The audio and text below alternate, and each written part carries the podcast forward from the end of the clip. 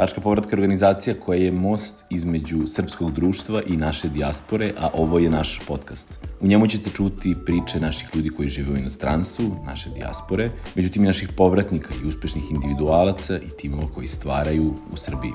Naša današnja sagovornica Katarina Jokoljević je cirkularni migrant od svojih najranijih dana. Dugi niz godina živela je u Španiji, zaljubila se u Madrid, ali za master studij ipak odlučila da sebi postavi izazov i ode u grad u kome do sada nikada nije bila. I to je bila Barcelona. Nakon prikupljenih iskustava i želja da se dokaže u kreativnim industrijama, Katarina se vraća u Srbiju. Danas, sa velikim zadovoljstvom možemo da kažemo da radi na jednom od ključnih projekata u svojoj karijeri, a to je predstavljanje Republike Srbije u okviru svetske ekspo izložbe u Dubaju. Kako izgledao Katarinin povratnički put, šta su sve neka životna iskustva koja su obeležila njeno odrastanje i sazrevanje i koji su izazovi koje vidi u budućnosti, otkrite u narednoj epizodi. Uh, zdravo Katarina, hvala ti mnogo što si odvojila vreme da um, ovog popodneva sa nama porazgovaraš u uh, jednom malo izmeštenom uh, podcastu Dački povratka.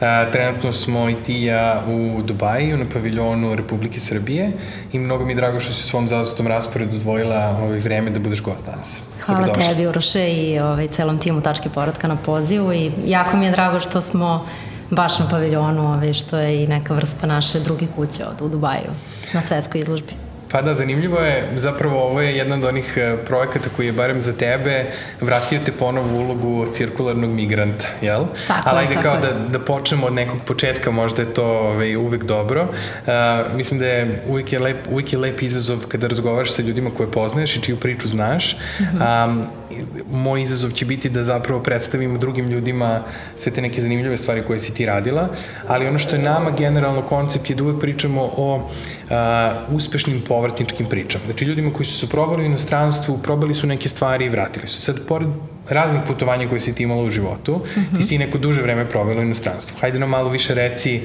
kako su te stvari došle da bismo nekako sada došli do ove priče koja je sada aktuelna za ovo što se dešava. Da, pa tako je, ja se osjećam cirkularnim migrantom i kad bih ovaj, sebe stavila u tu neku fioku, moja priča počinje još kad sam imala četiri godine, zato što sam još tada ovaj, pobegla sa mamom pred bombardovanje 99. u Španiju i od tada kreće neka ta povezanost sa Španijom i tada kreće da se rađa ljubav prema i Španiji i španskom jeziku i od tada pa do dan danas sam redovno, da kažem, redovno posećujem tu zemlju i redovno je se vraćam i zašto da ne sebe vidim isto u životu kako u nekom trenutku se i vraćam na duže. Trenutno sam cirkularni migrant u svojstvu neko ko odlazi i vraća se u Dubaji na svakih mesec dana ili dve nedelje, Ovaj, ali uh, jedan period sam živala u Španiji gde sam i studirala i završila master. Um, ta tvoja povezanost sa Španijom uh, i možda španskim jezikom uh, ima i neku malo dublju konekciju upravo zbog tvoje mame, je li tako? Tako je, tako je. I ona je profesor španskog jezika i ona je u stvari prenela tu ljubav na mene. Ali ona je bila cirkularni migrant, ako se ne veram, jest, tako? Jest, da, ona je isto, ovaj, ona je završila svoje postdiplomske studije u Salamanki u Španiji, ovaj, nakon čega se vratila u Srbiju, e, jedan period je živjela i u Americi, ali ovaj, nekako ja sam nastavila taj njen put i e, studirala sam isto što i ona španski jezik u Beogradu, nakon čega sam otišla, prvo sam na ovaj, četvrtoj godini studija sam bila Erasmus stipendista, kada sam otišla u Granadu, u Andaluziju, a nakon toga godinu dana sam provela u Barceloni na masteru. Zanimljivo je recimo kako to, ja neko verujem da ta ono, um, ono buva koja te ujede i ono terate da zapravo pakuješ kofere i odlaziš i otkrivaš nove stvari je nešto što se, ja bih rekao da je deo, sam, ne samo kulture nego i DNK. I ja znam da moji roditelji su uvijek volili da putuju i to je jedan razlog svojih i sestre i ja strašno volimo da putujemo i kad god imamo priliku da vidimo nešto novo, to sebi organizujemo. Meni je sad prvi put u Dubaju. Uh, hvala na predivnom gostoprimstvu. Na čemu. Ali reci mi, um, interesuje me taj moment kada si uh, prvi put zapravo kao ono odrasla osoba otišla, mm -hmm. to je, rekla si mi na kojoj četvrti godini fakulteta? To je bila, da, Granada, tada sam se prvi put, da kažem, osamostalila, što sam, na, apsolutno jedva čekala, ali nije mi palo toliko teško, moram da kažem. Ovaj, otišla sam sa, sa nekoliko studenta, kolega sa, sa moje generacije, mi smo svi dobili tu stipendiju i otišli smo na, na jedan semestar. I sada kad u stvari pogledam iz ove perspektive i sa ove daljine ta, to iskustvo u Granadi mi je zapravo mnogo više značilo i a, mnogo me više oblikovalo nego godinu dana u Barceloni a nekako sam se ja osjećala i srećnjom i ispunjenijom u tom gradu, iako na prvu loptu bi neko rekao pa ne, čekaj, Barcelona je prvo mnogo veći grad, mm. bila sam starija, živela sam u centru grada u divnom stanu, e, studirala sam ono što me zaista zanima, nekako sam bila bliže i tom nekom poslovnom svetu, jer sam i paralelno i radila i studirala, e, š, ono, e, kretala sam se u mnogo širom krugu ljudi, ali nekako ta Barcelona je bila ovaj, za mene jedno posebno iskustvo gde sam uh, se osjećala dosta usamljenom, uh mhm. -huh. što smo i pričali pre neki dan. Ove, a u Granadi recimo to nije bio slučaj. U Granadi sam mogla da budem svoja i u, stvarno sam, u Granadi sam svim srcem proživala taj semestar. Znaš kako je divno, ja mislim da to e, kada imaš e, ta, ta neka formativna iskustva, kada prvi put odeš i zapravo pored te samostalnosti koju dobiješ i koju imaš, um, to je istovremeno izazov, jel? Koji uh mhm. -huh. nekako kada imaš, kad postoji ta super energija, onda ga neko mnogo lakše podnosiš. A, da li možda misliš da je ta odluka, činjenica si znala da ideš samo na jedan semestar, da li misliš da je to možda negde uticalo na to da neko budeš u fazonu sad ću super da se provedem i ovo će da mi bude dobro, ili misliš da to nije imalo nikakve veze sa tim da je prosto bila dobra hemija i da je bio pravi trenutak i da se prosto neke kockice su se sklopile? Da, pa mislim da je jedno i drugo. Ovaj, sa jedne strane, ja nisam sa sigurnošću otišla tamo ovaj, sa ciljem da se vratim za šest meseci. Ja sam Uh, imala i neku priliku da ostanem i godinu dana, pa možda čak i da pravo sa osnovnih studija odem na master u Barcelonu, tako da nisam znala da je to oročeno na šest mm -hmm. meseci, ali uh, mislim da uh, je taj grad, Granada je stvarno magična i to je jedan studentski grad, nije naporan grad kao što je Barcelona, nije toliko internacionalan i mislim da, mislim da mi je to nekako lakše palo. Uh, sa jedne strane, sa druge strane zaista sam godinama jedva čekala da se osamostalim, godinama sam jedva čekala da, da, da odem u Španiju sama i da započnem tamo svoj život, tako da mislim da, da je to dosta doprinalo. Da, tvoj odlazak zapravo u Španiju kao odrasla osoba je zapravo povratak Španiji u neku ruku, Tako je, jer si da. ti zapravo sad zakružila taj krug. Ove, ovaj, Dobro, ti se nakon Erasmusa vraćaš u Srbiju, završavaš fakultet ovde Tako je. i shvataš da molim te mi ispravi ako grešimo u interpretaciji, uh, prebiram po sećanjima naših prethodnih uh, divnih razgovora, ti zapravo shvataš da pored jezika uh, imaš apetite za malo više od onoga što je samo filologija i da neko želiš da operacionalizuješ taj jezik i u nekim drugim sferama i kako onda dolazi do izbora mastera? Jeste, pa da, još od početka osnovnih studija meni nekako već na prvoj godini bilo jasno da ne želim da se bavim ni profesurom ni prevođenjem i već od te prve godine sam ja počela da se interesujem za niz nekih van nastavnih aktivnosti, učestvovala sam u raznoraznim konferencijama, organizacijama, e, bila sam aktivista, mislim više ne mogu ni da se setim. MUN, ovaj, MUN, da, obožavala sam te neke filmske festivale na kojima sam radila. I tu sam nekako kroz te aktivnosti i kroz taj rad sam shvatila da u stvari ono što mene najviše zanima su komunikacije. Ovaj, pronašla sam na četvrtoj godini studija e, master u Barceloni koji je nekako meni bio najzanimljiviji u tom trenutku zato što obuhvata i marketing i odnose s javnošću i organizaciju događaja.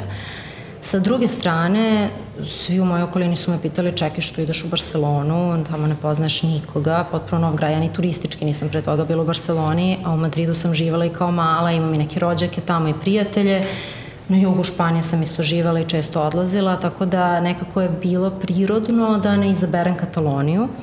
Ali eto, iz dva razloga sam, sam izabrala Barcelonu, pre svega što mi je drugi jezik na osnovnim studijama mi je bio katalonski.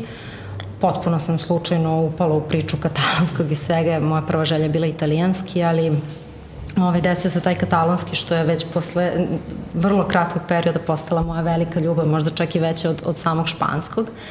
Ovaj, to je bio prvi motiv, a drugi je taj što sam zaista želela da odem negde gde nikog ne poznajem, da se bacim u vatru, da, da pro, jednostavno pokušam da se snađem. Što je u prvom semestru uh, mog mastera u Barceloni bilo nešto u čemu sam uživala, ali u drugom sam već osetila potrebu da imam nekog svog i otuda ta usamljenost koju, koju sam pomenula. Da je katalonski pesma, kako bi to bila pesma? Ja bih rekla da bi to bila jedna francuska šansona pomešana sa zvukom italijanske gitare. Uf, predivno. Dobro. E, zašto? Zato što e, nekako svi misle, a i ja sam, u početku da je to, da je katalonski vrlo blizak španskom, da to u stvari isti je, samo da je drugačiji dijalekt. Međutim, e, katalonski više ima u sebi procenta italijanskog i francuskog nego španskog. Ove, čak i gramatika se u mnogim stvarima razlikuje. Tako da ja ga zaista obožavam, recimo ovaj, moj mami se uopšte ne dopada, ali eto nekako rodila se ta ljubav ne samo prema jeziku, prema istoriji, kulturi, prema tom gradu, Barcelona je zaista magična, ne mogu da kažem da ovaj, više volim Barcelonu, niti ću ikad od Madrida, Madrid ima posebno mesto u mom srcu, ali eh, ne želim za, eh, što sam otišla u Barcelonu. Ni, ni moment. Da, zanimljivo, ja mislim da mi često imamo moment da Španiju neku zamišljamo kao zemlju, jednu zemlju, a ona je toliko raznolika da. od istoka ka zapadu, severa ka jugu, um, ima toliko mnogo različitih kultura i filtera, da ja mislim da ljudi kada putuju po Španiji, ti često po slikama zapravo što ne možeš da znaš da si ti sve vreme u istoj zemlji, Tako ako neko uradi ono proputovanje po Španiji. Nek... Španija je najbolja zemlja za filmske setove na svetu, ja mislim. Pa da to. I gastronomija se razlikuje ovaj, od, od juga do severa onoliko. Pa da, mislim, da li jedeš, da li jedeš, u, sam, da li jedeš u Bilbao ili San Sebastianu do Andaluzije do ili Valencije pa da. ili Sevilje, potpuno su drugačiji. Je, da ne pričamo o ostravima, ovaj, i balearskim, da, da, tako da. Super, da, da, znači ta Španija drži posebno mesto u tvom srcu i nekako je zemlja koju se vraćaš i kulturno i uh, turistički i rekla si na početku da bi mogli sebe da zamisliš kako tamo nekad u nekom trenutku živiš. I sad, ono što mene neko interesuje, um, ako sad posmetraš iz ove perspektive nekoliko godina kasnije, um, šta bi rekla da ti je bila ono motivacija da se iz Španije vratiš i da pored dva jezika koje u tom trenutku tečno govoriš i povezanošću sa Španijom i mogućnosti da tamo ostaneš, ti si ipak odlučuješ za povratak u Srbiju. Mm, pa znaš kako, Uroše, ovaj, e, pre svega, ako, ako bih oko jednoj rečenici rekla, emotivni su bili razlozi, uh mhm. -huh. emotivne prirode. Ovaj, sa druge strane, nije baš da sam ja imala sve mogućnosti da tamo ostanem. Uh mhm. -huh. Ja sam tokom svojih studija, iako e, praksa, iako nije moj master, moj master program nije iziskivao kao nešto neophodno e, praksu, ja sam već od prvog dana kad sam došla tamo, sam želela da i probam i da radim u Barceloni, dakle i, i da pohađam master i da radim. Uh, i u prvom semestru sam išla na milijardu razgovora za posao, međutim dva su bila problema. Jedan je taj što su svi odmah ovaj, ne, prosto non-EU passport, to je bio problem prvi, a dru, zato što nije mi se prosto isplatilo da neko obučavaju šest meseci, a da znaju da će on najverovatnije posle se vratiti u svoju državu. A drugi razlog je bio taj potpuno idiotski, što je baš te godine moj univerzitet u Barceloni je uveo pravilo da njihovi studenti ne mogu da idu na praksu ako je ona plaćena manje od 500 evra, a mora da bude part-time job, što je za španske standarde jako visok iznos. I ove, redko, ko, redko koji poslodavac bi se složio sa tim. Međutim, u drugom semestru sam nekako, nekom srećom, valjda zato što sam išla na stotine razgovora, sam ubola i to sam ubola najbolje moguće U jednom velikom hotelskom lancu sam radila u marketinškom timu i zaista sam bila prezadovoljna, po, posebno imajući u vidu da sam bila jedno troje sa cijele generacije koje smo uspeli da, da nađemo praksu. Tako da sam ostvarila taj svoj neki cilj sa početka da i studiram i radim u Barceloni. Međutim, zašto kažem emotivne prirode? Recimo, dešavalo se da iako posao teče sjajno, ja sam se e, veoma zbližila i odlično sam funkcionisala sa tim timom, Radila sam paralelno na španskom, engleskom i katalonskom. E, jako mi se dopadao i posao i, i, i taj hotel i sve što, razno razne projekte smo još radili pored e, samih operacija hotela, ali e, dešavalo se da dođe pauza za ručak i svi krenu da pričaju i sad, ok, ja u tom razgovoru čak i mogu do nekada da učestvujem, ali onda neko kaže, ajde da pustimo, ne znam, neku pesmu i ispostavlja se da je to neki čola katalonski i ja sednem pored i budem u fazonu Znaš, i prvo sam u, na, na moment kao je bilo, ne, ne, čekaj, ja moram sad da naučim ove pesme, znaš, njihovu pop kulturu. Onda kao, ne, zašto? Ja imam svog čolo. Ja, znaš, ja, ja, meni se sluša moje čola. Mm.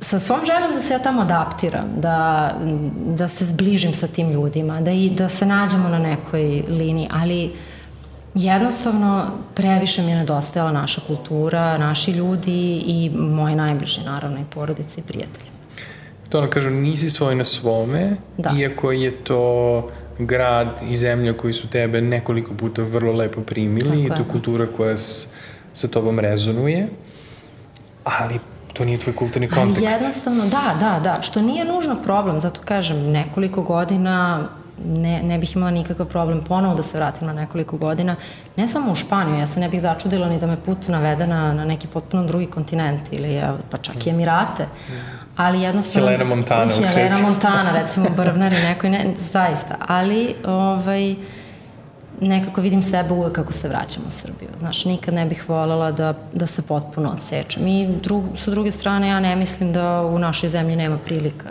Ovaj, posebno u ovim nekim industrijama koje mene zanimaju na pozicijama i zanimanjima kojima bih ja možda volila da se bavim, tako da ne vidim, ne vidim razlog za, za odlaskom za uvek.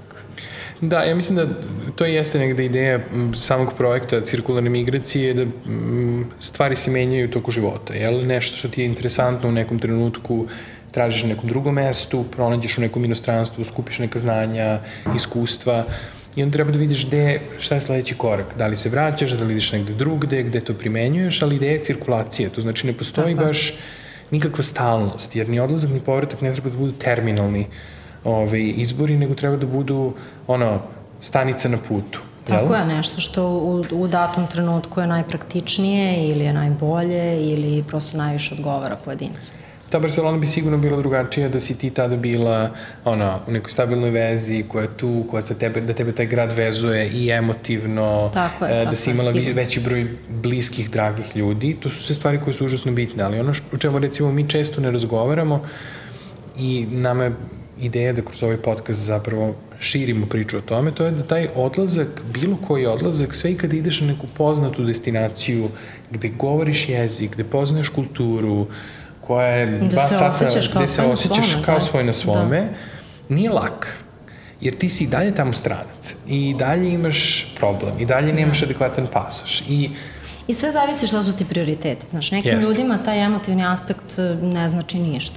Meni je značio. I to ne odmah i ne, nije bio toliko vidljiv. Ja sam mislila da, ne, pa ja neću imati problem s tim, pa ne, pa ja sam adaptibilna. Međutim, eto, negde je isplivao i taj trenutak koji me zapravo i, to je bio najveći razlog mog povratka u Srbiju. Ok, ti se vraćaš pre koliko tačno godina? Četiri? To je tako, da. Dobro, pre četiri godine si se vratila u Srbiju i kako funkcioniše sad e, moment e, Katarina treba da se snađe u Beogradu, završila je master u Barceloni. Kako sad to funkcioniše? Pa funkcionisalo je tako što sam ja imala najveću želju na svetu, jer sam se vratila u junu, da onako da se dobro odmorim par da. meseci, da to osvestim gde sam, šta želim i tako dalje i da tamo negde od jeseni počnem da tražim posao. Međutim, eto, moj ludi burazir, ovaj, tvoj kolega, koji mi dolazi, na primjer, trećeg dana nakon što sam se ja vratila u Beograd, e, slušaj, ima praksa, super, pa moraš da se prijaviš u čemu, ne, ne, nemoj ti ništa ni da, da gledaš, ne, veruj mi, to je super priča, ti se prijavi, i tu rekao, dobro, ajde, ne, neću dobiti, nema šanse. I posle tri dana odlazim na razgovor i dobijam posao ono, kao od, od ponedeljka. I si razgovor imala sa Milicom? Raz, nisam, nisam. Dobro, Mislim da nije Milica bila na prvom razgovoru, ne mogu da se setim. Uh, ali, ovaj, ali se odmah se napravio ne, neka konekcija, energija je bila sjajna, e, ja sam naravno pre razgovora onako dobro istražila čime se oni bave, to mi je sve bilo mega zanimljivo, posebno što sam bila u timu za organizaciju događaja, tako da mhm. sve nekako onako se sklopilo u jedan super mhm. puzzle. I ovaj, radno vreme, četiri sata, znaš, super sve, blizu kuće. Ali ovaj, posle nekoliko nedelja samo sam shvatila da je to, mislim, prvo da je tim sjajan, da, da sjajno funkcioniše, nisam mogla da zamislim da tako nešto postoji u Beogradu, takva neka uh mhm. -huh. energija. Ovaj, a drugo projekti koje smo radili i organiz, ove, događaje koje smo realizovali su, su stvarno bili i na najvišem nivou, ali i meni veoma inspirativni. Mm. Ja sam kroz taj posao i kroz organizaciju tih događaja sam naučila ono, od dekovanja bine i rasvete, organizacije, koji su sve, sve koraci u organizaciji jednog događaja, do upoznavanja nekih ljudi za koje stvarno nisam očekivala da ću ih upoznati već na praksi. Znaš, to su generalni menadžeri kompanija, direktori hotela, pa čak i političari. Organizovali smo poslovne doručke za, za, za privrednike. Tako da jedno onako, jedno okruženje veoma inspirativno da. za mene u tom trenutku otvorila si jedna mala vrata i otkrila jedan potpuno novi svet zapravo. Upravo, ne? da, da. I nekako taj, taj svet i to otvaranje vrata mi je dalo nadu da, da ovde u Srbiji prvo zaista ima prilika, drugo da su, e, da su ljudi talentovani, radni, obrazovani, znači da postoji takvog sveta ovde. Nekako sa te distance u Španiji sve sam nekako videla crno-belo. Znači, jedno sam kroz praksu u M čemu shvatila da ima 50 nijansi sive, bukvalno, mm. znaš, da stvarno genijalci neki rade u našoj zemlji i ko tu želim da radim. I sa njima želim da stvaram kontakt. To je jako lepo, znaš, ja, mi često imamo taj moment da kao ti zapravo ispod radara imaš jako mnogo ljudi koji rade i stvaraju i prave neke divne stvari i rade na zanimljivim projektima i pomeraju granice i u nauci, i u kulturi, i u IT-u, i veštačkoj inteligenciji, biomedicini i tako dalje. I onda kada shvatiš da takvi ljudi rade u Srbiji, da stvaraju i da imaju stalno, ti kako kažem, neki imperativ da budu bolji, to je moment koji kao kad, kad osetiš tu energiju, to te onda neko vozi, to je ona divna pozemljena energija koja te neko vozi, inspiriše da i ti neke svoje stvari yes. radiš bolje. Meni je bar tako bilo. Jeste, želiš da se povratka. povežeš sa tim ljudima, želiš da radiš sa tim ljudima i prosto daje ti nadu da da meni je dalo ovaj tu meni je dalo mm, validaciju da sam napravila dobru, dobru odluku da ostanem u Srbiji ili da se vratim u Srbiju. Ok. Šta je to što ti radiš danas? E, danas, znači, ajde ovako nekako da, da napravimo. Kad kažem danas, ne mislim nužno samo na ovaj deo koji je sada Srbije Dubaj, nego da. šta se dešava posle, posle prakse, američke, američke prirodne komore, da. Pa dešava se to da sam ja nakon prakse uh, silno sam žela nekako u mojoj glavi je prirodan put bio da se zaposlim u nekoj marketinškoj agenciji i išla sam na, na, na razgovor i razgovore.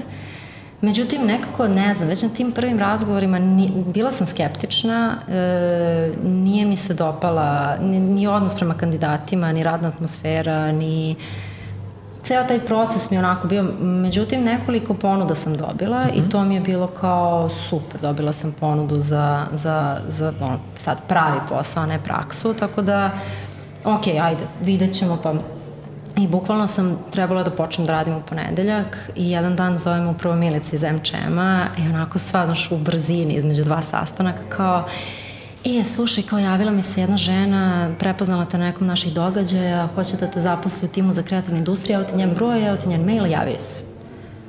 Ja ko stava, ko, znaš, ko, koja žena, prvo, drugo, šta je, taj, šta je tim za kreativnu industriju, gde je to organizacija, to, šta je to, znaš. I ovaj, ništa, ja pišem toj ženi i ona mi kaže, da, da, da, kao dođi sutra na razgovor u Nemanjinu 11 stala kao, čekaj, Nemanja na 11, zar to nije vlada Srbije? Kucam ja na ne, da, jeste, izlazi na mapi vlada. Ja rekao, žena pogrešila, znaš, ja rekao, poštovana ta i ta, samo da proverim, napisali ste Nemanja na 11, to je vlada Republike Srbije, možda ste pogrešili, ne, ne, kaže, dođe. I dešava se, mislim, meni najzanimljivija stvar da sam taj dan kada sam poslala mail, kada smo završile tu prepisku, ja izlazim iz stana, nešto da završim napolju i nalećem na tu ženu. Bukvalno se sudaramo. Ja kao čekaj, ovo je neki znak. ja, ja moram sutra da se pojavim na tom razgovoru. I, ovaj, I tako sam sutra i došla. Naravno, sva zbunjena, znaš, sa 23 godine ulazim u zgradu vlade, kao na razgovor za posao, ne znam ni šta, nigde. Još uvek nije bilo toliko objava u medijima o tom timu za kreativne industrije, premijerkinom timu. I ništa, ovaj, dolazim i prvo, prvo iznenađenje i nekako zaista nešto što me je oraspoložilo je bilo to da u tako jednoj strogoj i sterilnoj zgradi ti ulaziš u kancelariju tima za kreativne industrije koji bukvalno izgleda kao neki startup prostor, šareni, kreativni haos, osjećaš tu neku dobru, pozitivnu energiju, tim koji tu radi, sve su, sve su neki genijalci, Tako da to je bilo sve mladi ljudi, to mi je bilo najveće iznenađenje. I ono što mi se jako dopalo je to što je tim e, mi je dao kao opciju probnih nedelju dana i nekako odnos njihov prema meni i generalno prema kandidatima koje smo i kasnije zapošljavali nekako mnogo ljudski, mnogo normalniji nego taj koji su imali u agencijama. Gde imam utisak kao da, da štanc, kao da ono, znaš, obrću radnu snagu na nedeljnom nivou. Tako da pro, prihvatila sam nedelju dana, e, pričala sam naravno tog dana kad sam izašla sa, sa razgovora sa mnogim ljudima, e, ne mogu da kažem da nisam bila skeptična, e, mislila sam čekaj, jel sad tu ima neke veze sa politikom, ja ne želim, ne, nemam, nisam imala nikad neku ambiciju da se bavim politikom, niti da se približim uopšte. Međutim, onda sam pričala sa razno raznim ljudima i opet sad moj ovaj, već pomenuti brat koji je, me, mi je rekao kao čekaj, ono, ovde si na izvoru informacija, dobit ćeš jednu ozbiljnu širinu, ovo je nekako priroda nastavak MČM-a, sa druge strane bavit ćeš se i tim komunikacijama kojima toliko želiš da se baviš, zašto bi imala prilike u agencijama, ali samo bi imala prilike time da se baviš, ovde ćeš nekako mnogo šir, širu sliku da dobiješ svega toga, a sa druge strane projekti koje radiš su gigantski u odnosu na kampanje za čokoladno mleko, uloške i cigare. Mislim, znaš, ovaj, to, je, to me nekako najviše inspirisao taj razgovor sa njim i prihvatila sam i tih prvih probih nedelju dana su za mene bili roller coaster, bukvalno, i tako do danas. Svaki dan ono se vraćam kući, puno utisaka, neverovatni ljudi koje, sam, koje upoznajem tokom dana, projekti, ne, od mislim, značaja zaista. Da, e, to, je, to je, mislim da je suštinska razlika u tome, pronašla si se u nečemu što je za tebe nije samo značajno na nivou iskustva koje dobijaš i tvog nekog stručnog usavršavanja u znanjima koje si već imala, pa na toj nekoj sad nadgradnji, nego dobijaš i neka potpuno nova iskustva koja su vrlo specifična za strukturu u okviru koje radiš, jer si na projektima koji su od nacionalnog značaja kada su u pitanju kreativne industrije i onda nekako tu zapravo, Aleksandar ti je zapravo dao fantastičan uvid, rekao je, bit ćeš na izvoru nekih stvari, da. imaćeš priliku da vidiš kako se neke stvari konceptualizuju, da učestvuješ u nekim tokovima od samog početka, što evo do dan danas se nije promenilo i ako krenemo ono ubrzanim skokom, nekoliko godina kasnije. Tri godine skoro, da. Tri godine skoro kasnije, uh, ti kupuješ prvu kartu za Dubaj. da. Da, pa dobro, Dubaj je ovaj, sigurno jedan od meni najinspirativnijih, ali do sada najveći projekat, najveći zalogaj koji smo kao tim uzeli um, i projekat kojeg smo se prihvatili. Uh, cijela priča je počela u martu ove godine, kada naš tim preuzima projekat predstavljanja Srbije na svetskoj izložbi u Dubaju koja je počela ove godine u oktobru i traje šest meseci. Dakle, mi smo, jedino što smo znali u tom trenutku je da imamo, da ćemo imati paviljon od 2000 kvadrata, što je zaista onako impozantno, posebno imajući u vidu uh, naša predstavljanja na prethodnim izložbama koje su bile u dosta manjem obimu. A, uh, sa druge strane, uh, na Bliskom istoku je zemlja koja je nama i politički i ekonomski veoma važna i veoma nam je važno da se baš ovde predstavimo na, na, na pravi način, ali na jedan novi, modern način.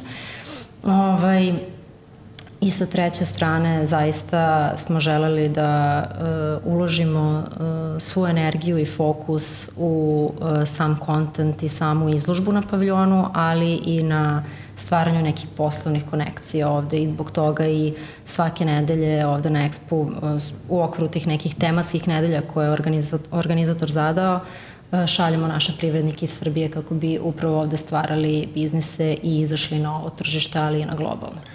Koliko je tebi bila inspiracija, uh, pošto kada pogledamo paviljon, vidi se da je zapravo inspiracija za tu modernizaciju potiče hiljadama godina unazad od same Vinče. Ti si bila tu zapravo kada je Miroslav Kočić, koji je jedan od naših ono, najuspešnijih povratnika koji s kojima smo mi do sada radili, koji se vratio iz Sjednih američkih država, yes. ovaj, e, priznao svoj doktorat sa univerziteta u Pittsburghu i dobio priliku da vodi uh, nalazište Vinče Belo Brdo. Uh -huh. od, to, od te neke kapisle povratničke do sada zapravo objekt od 2000 kvadrata koji podsjeća na Vinčansku kuću. Yes. Ove, I promene zapravo istorijskih učbenika svetskih sa otkrivanjem metalurgije, dobran... Prvotopljenje metala. Prvotopljenje da. metala. Kako je tebi, kada to posmetraš kao neko koji je kulturolog i ko se bavi organizacijom događaja i filolog, kako ti sad to posmetraš na vrlo ličnom nivou, znaš, kada dođeš i vidiš sintezu svega toga, da. kako, kakav ti ono, kakav ti osjećaj?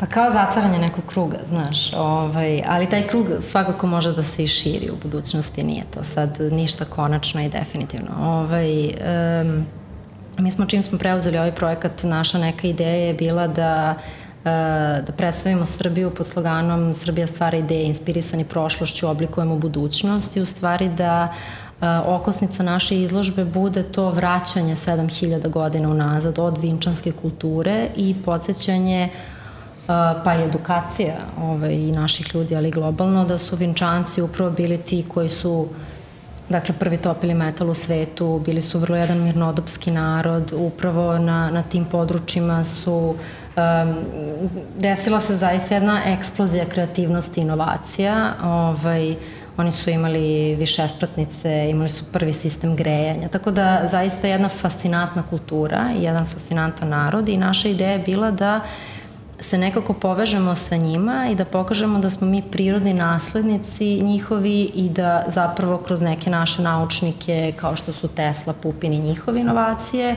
na prirodan način stižemo do današnjeg vremena kada smo takođe jedni od lidera kada je veštačka inteligencija u pitanju i government, da pokažemo zašto je Beograd jedan od pet najkreativnijih gradova na svetu, zašto smo lider u inovacijama i tako dalje i tako dalje. Kako izgleda sad tvoj ano, život uh, iz kofera ponovo? Da li ti je ovo bio neki dodatni stres? Da li si se podsjetila svojih cirkularnih migrantskih dana kada si bila mlađa? Ili imaš osjećaj da je ovo sad malo drugačije? Jer si ti drugačija? Ovo je definitivno drugačije, da. Dobro, ja sam starija i ovo ne, na Dubaji nekako gledam kao na to je dolaske u Dubaj gledam kao na službena putovanja. Ovo je ipak nešto što je organizovano, ipak je nešto što je definitivno oročeno. Um, Okosnica je taj jedan projekat, tako da vrlo dobro znam zašto ovde dolazim. Um, I drugačije, iz, mislim iz moje lične perspektive drugačije zato što pre svega potpuno nova kultura, nova zemlja, drugačija klima. Uh, ovo je za mene poslovno okruženje. U Španiji sam ja mogla da kreiram svoje i slobodno vreme, ali i realno i na fakultetu, onako kako sam ja želela. Tako da ovde drugačije svakako, da. A, kako funkcioniše tvoje povezivanje sa ljudima ovde? Ako se ne verujem, u jednom trenutku si rekla a, da i Dubaj posle određenog vremena je poč, počela si da osjećaš kao da je kuća, kao da se vraćaš kući. Da. Pa jeste, ja dobro, ja sad Dubajem stvarno imam, sam u love-hate odnosu od starta. Ovaj, ja, sam, ja sam prvi put došla u Dubaji e, nakon što sam dve nedelje bila, tri, skoro tri nedelje na Kosta Riki. Tako da sam skočila iz jedne ono zemlje puna prirodne, le, puni, pune prirodnih lepota i, potpuno, potpuno drugačije nego što su Emirati. Mislim, sam primer da, da, da na Kosta Riki nema, ne može da se gradi na ne znam koliko metara od obale zbog čuvanja cele obale i, i, i sredine do ovog jednog eh, fake grada, da kažemo, filmski set, bukvalno, na prvu loptu. Uh, Tako da moj prvi utisak u Dubaju je bio ko jedva čekam da se vratim kući. Ali počela sam da otkrivam vremenom da je zapravo ovo jedan vrlo slojevit grad, da, da ima puno šarma, da, da ima neku posebnu energiju, samo da nekako mora da se dođe do nje. Mm. Znaš, da i ovde post, nije sve samo glamur i sjaj u Dubaju, da, da ne pričamo o klopi koja je zaista sjajna, ljudi su isto vrlo, vrlo, vrlo friendly, jedan međunarodni grad, pre, mislim, metropola. Pa da, znaš, ovaj Expo sad zapravo je jedan potpuno drugačiji sad stecište, okuplja sad neki novi ljude, neku novu energiju i predstavlja zapravo države na jedan potpuno drugačiji način u odnosu na ono što smo inače navikli, tako da ceo, ceo ambijent je drugačiji izmešten u odnosu na ono što bi bio neki normalan razvoj dolaska, tako da pretpostavljam da je samo jedna dodatna vrednost za tebe. E, inspirisala, inspirisala ovo prethodno što si rekla, često imamo situaciju da mladi ljudi pitaju kao što, razmišljam o tome da li treba da odlu, da li treba da odputujem i da odem, šta bi bilo tvoja poruka za nekoga ko ima tu vrstu premišljenja? Znaš kako, isto sam ja to sebe pitala pre nekoliko godina i kad sam ovaj, krenula da studiram i mislim da apsolutno treba. Mislim da mladi ljudi obično nemaju, nemaju tu hrabrost ili misle da, da neće dobiti ništa odlaskom u inostranstvo ili, ili jednostavno prođu godine. Znaš, mislim da apsolutno treba uh, apsolutno, to je uh, iskustvo za ceo život uh, i zašto da ne, ako im više odgovara neka sredina, mogu i da ostanu. Dakle, nije, nije ideja i samo, ni samo vratiti se u Srbiju, već i otići, ali po meni je nekako najbolji model otići, da stekneš novo iskustvo, upoznaš nove ljude, upoznaš nove kulture i nekako se vratiš u Srbiju i primeniš sve to u svojoj zajednici. Da, ima, mi smo nekako uvek, um, kada god pričamo sa ljudima, kažemo između ostalog, ukoliko ne želiš da se vratiš nakon što stekneš ta neka iskustva, zadrži značajne kontakte sa Srbijom, sa ljudima koji ovde stvaraju, sa timovima koji su um, sa lokalnim talentima, jel? Um, sa prijateljima, poznanicima sa osnovnih studija koji su ovde nastavili da rade neke dobre inicijative. Moment cirkularne migracije je između ostalog i građanje tog mosta poverenja između ljudi koji su u inostranstvu i ljudi koji su u Srbiji i građanje nekih značajnih veza koje upravo dozvoljavaju da se ovde rade super uh, inicijative kao što između ostalog i projekat na kojem ste radili sad za ovaj Dubaj. Imamo možda, to je onako da kažem, kad se gleda sa druge strane, uh, taj romansirani moment odlaska gde kao sve je lako kada odeš, mm -hmm. sve je užasno kad se vratiš, mm -hmm. a istina je zapravo uvek negde na sredini. I onda meni je mnogo drago što smo imali priliku danas da, ono, da prikažemo i to da ti čak i u nekim idealnim uslovima u inostranstvu, kad poznaješ jezik, u predivnom si gradu, koji ti nudi jako mnogo, imaš super posao, nekada možeš i potpuno ok da se osjećaš usemljen i da ti nedostaje Beograd i da ti nedostaje tvoj rodni grad. Dobro, Katarina, Za kraj, znam da imaš jako mnogo posla danas, neću te duže zadržavati, um, ali imamo nekoliko pitanja koje postavljamo u poslednje vreme svim našim ovaj, um, gostima. Pa prvo pitanje je koju si knjigu uh, poklonila najveći broj puta kao poklon prijateljima, poznanicima to, a drugo pitanje je da imaš magični štapić i da možeš jednu stvar da promeniš, sad ne ovde, pošto smo u Dubaju trenutno, ali da nazad, ku, nazad, kući, nazad kući kad doletiš nazad ove, ovaj, iz Dubaja za Beograd, da ima nešto što bi mogla da promeniš, šta bi to bilo? Aha. I pa... možeš da odgovoriš bilo koje od ovih Dobro, pitanja u bilo kom redoslu. Dobro, ajde ovako prvo za knjigu, da. Mm, knjiga koju sam najviše puta poklonila prijateljima, iako nije knjiga koja mi najviše znači, je Čaj od šljiva Lazara Džamića. Uh mhm. -huh Um, jednostavno obožavam njegov jezik, tako otmen, lagan, a sadrži neke fantastične poruke. Ovaj, mislim, sve, sve njegove knjige, ali eto, Čaj Šiva mi je nekako bilo najčešći izbor za poklon. A knjiga koju trenutno čitamo i sam znaš, Očevi i oci je nekako knjiga koja, mislim, do sada na mene ostavila najveći utisak i mislim da ću u budućnosti nju najviše puta poklanjati. Da, Apsolutno sjajna. Sjajna knjiga koju čitam već mesecima jer ne mogu da, ne mogu da pročitam više od 3-4 stranice jer me navodi da razmišljam i da, da, da preispitujem bukvalno svaku rečenicu koju je čovjek napisao. Da, fanta, fantastična knjiga, ali ja mislim da ono uvijek treba da ide sa posvetom. Um, kad god želiš da se malo mentalno napregneš, uzmi, otvori i pročitaj nekoliko redova ove knjige, otvorit će ti ono... Apsolutno. Svakom A u najpozitivnijem smislu se napregneš, da. Dobro. A magični štapić? Uf. Pa znaš kako, jedna od stvari koja mene najviše nervira kod ljudi je um, to bespotrebno um, davanje sebi za pravo da imamo predrasude uh mhm. -huh. i da ne slušamo druge ljude. Uh mhm. -huh onako poprilično generički, ali mislim da mene izluđuje lično ako neko odmah na prvu loptu krene nekog da osuđuje ili da, iako ne zna ni kontekst, ni niti se razume u temu, niti poznaje možda ni ljude, ali odmah su tu neke predrasude, odmah su tu ne, ne, odmah su ili neki gard, ili, ili potpuno obrnuto oduševljenje, Tako da to, to je nešto što bih, što bih promenila. Znači da budemo otvoreni za ideje. Da budemo Nove otvoreni, ideje, nove ljude. Tako je, tako je. Fleksibilni, otvoreni, da se nekako više okrenemo samima sebi, a ne drugima u tom nekom smislu. Ovaj, da budemo više da budemo više ljubopitljivi, a ne radoznali. Znaš, to, to je mm. nešto što men, mene uvek izluđuje. A sa tim u vezi to slušanje drugih ljudi. Zapravo slušanje potreba drugih ljudi, slušanje emocija, osluškivanja, a ne samo puko ja pa ja ili te neke priče gde samo faktografski nabrajaš šta si radio ili šta ćemo raditi, nego i slušanje, malo zadiranje u suštinu. Da, ne znam da li, tvoje, da li to tvoj utisak, ja ću iznati svoj. Ja kad sam bio mlađi, kada ti neko kaže komunikacija, ja sam uvijek razmišljao onome što je aktivna komunikacija u smislu pričanja. Onda što si stariji, shvataš da je ključ svake uspešne komunikacije da jako dobro saslušaš sagovornika i da reaguješ, odnosno pričaš tek onda kada si isfiltrirao misli, onda da ti jezik ne ide brže od pameti. Jeste, tako, a za to je potrebno veliko strpljenje. Je sve. I vreme. I vreme, da. Meni je bilo izuzetno zadovoljstvo da s tobom razgovaram danas i da čujem sve što si imala da nam kažeš.